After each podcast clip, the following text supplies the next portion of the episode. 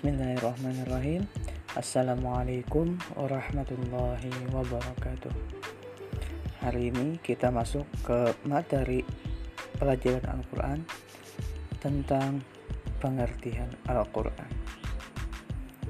Al-Quran menurut bahasa adalah bentuk masdar dari kata qara'a yang artinya membaca.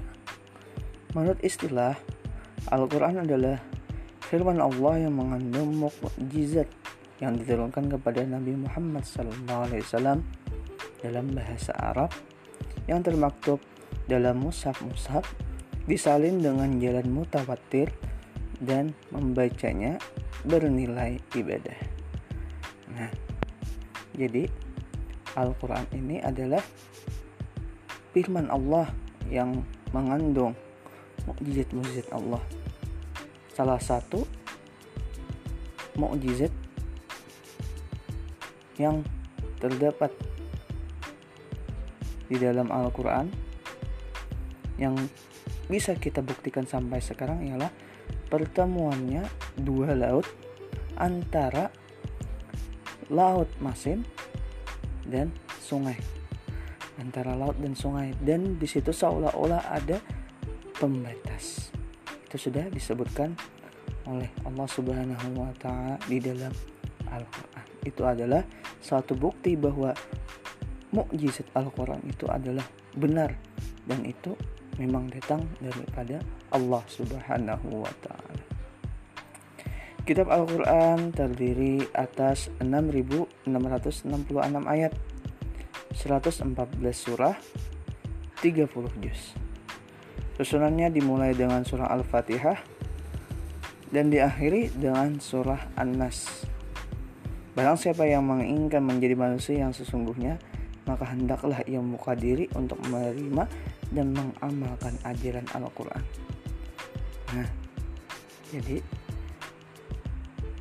orang yang belajar Al-Quran itu adalah orang yang paling mulia, orang yang paling Allah senangi karena afdalul ibadati ummati qiraatul Quran karena sepaling afdal ibadah umatku ialah membaca Al-Quran Al-Quran merupakan kitab suci umat Islam yang diturunkan Allah Subhanahu Allah Subhanahu wa taala secara mutawatir kepada Nabi Muhammad SAW. Apa itu mutawatir?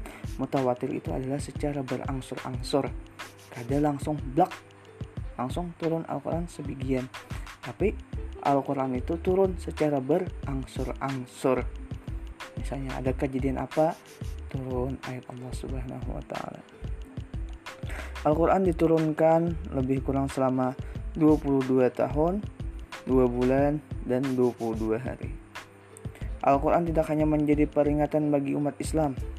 Al-Quran merupakan peringatan bagi seluruh umat manusia siapa pun yang menjalankan ajaran dalam Al-Quran akan selamat dalam kehidupan dunia dan akhirat. Nah, jadi siapa yang hendak selamat di kehidupan dunia dan kehidupan akhirat, maka amalkanlah Al-Quran. Amalkanlah Al-Quran. Amalkan itu berarti kita menggawi, kita mengerjakan apa-apa yang diperintahkan oleh Allah Subhanahu wa taala di firman di dalam kitab Al-Qur'an dan lebih lagi kita membacanya itu Al-Qur'an. Sekian dari Ustadz. Wassalamualaikum warahmatullahi wabarakatuh.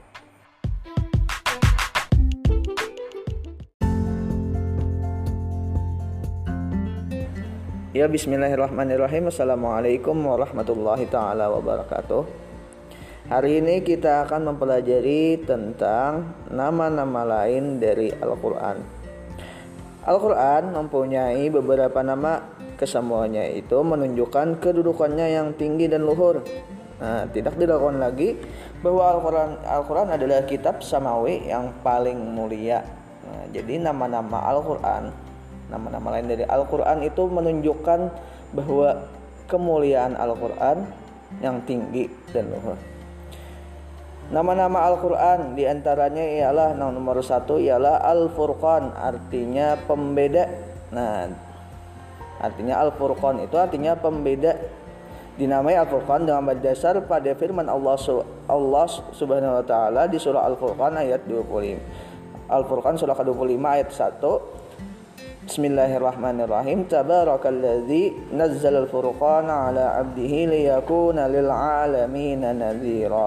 Maksud ya Allah yang telah menurunkan Al-Furqan yakni Al-Qur'an kepada hambanya agar dia menjadi pemberi peringatan kepada seluruh alam jin dan manusia.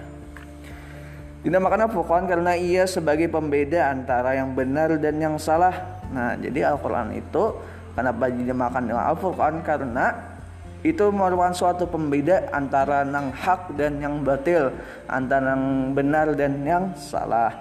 Manusia yang dalam hidupnya menggunakan Al-Quran sebagai pola hidupnya akan mampu membedakan antara yang benar dan yang salah atau antara yang hak dan yang batil sehingga ia dapat berperilaku benar dan meninggalkan yang salah dalam kehidupannya.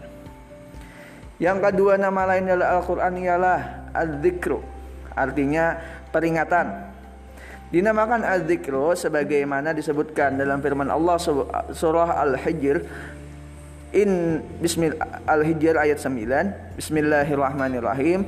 Inna nahnu nazzalna dzikra wa inna lahu lahafizun. Sadaqallahul azim. Artinya sesungguhnya kamilah yang menurunkan Al-Qur'an. Adzikr uh, bimana Al-Qur'an?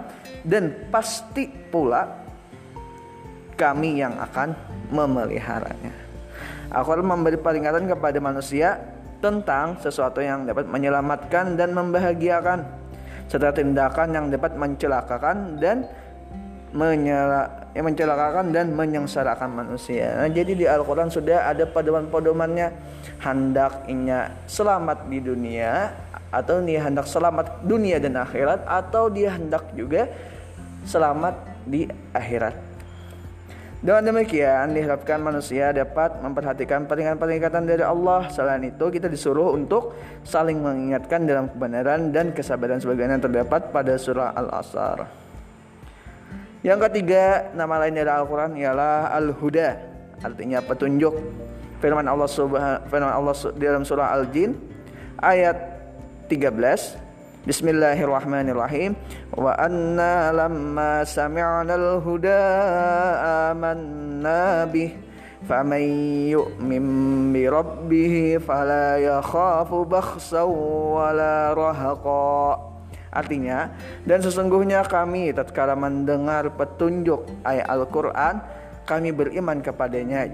Barang siapa yang beriman kepada Tuhannya, maka ia tidak takut akan pengurangan pahala dan tidak takut pula akan penambahan dosa dan kesalahan. Nah, jadi ini ya terdapat di dalam surah jin, dan surah jin ketika itu jin sekelompok jin mendengarkan bacaan Nabi Muhammad SAW dan mereka merasa takjub kata di kala itu.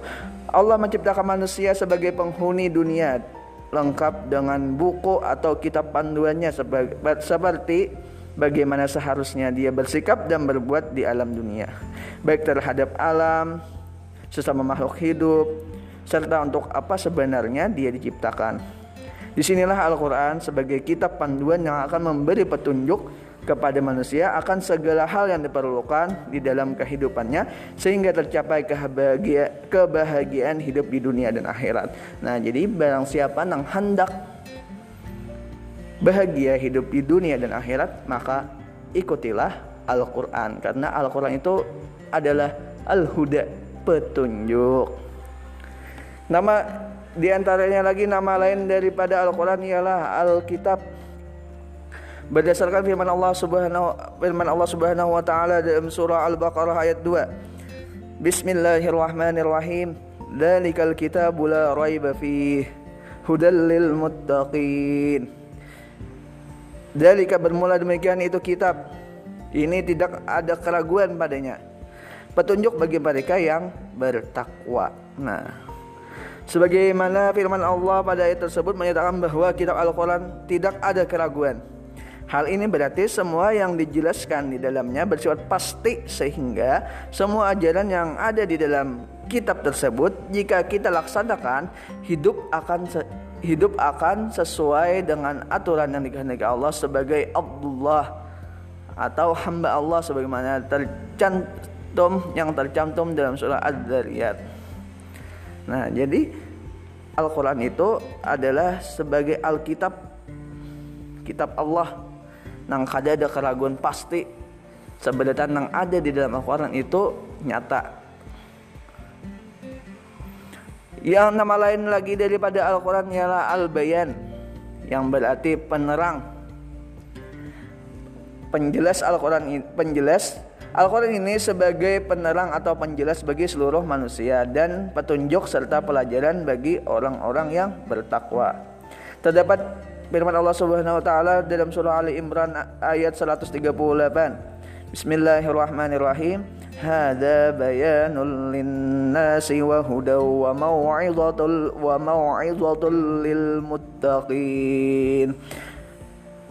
Hada bermula ini adalah Al-Qur'an.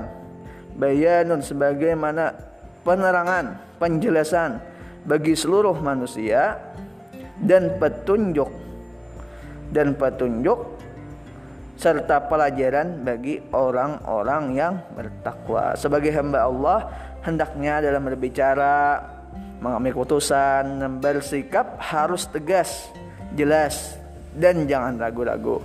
Siap bertanggung jawab terhadap apa yang telah ia ucapkan, diputuskan, dan tindakan yang telah dilakukan.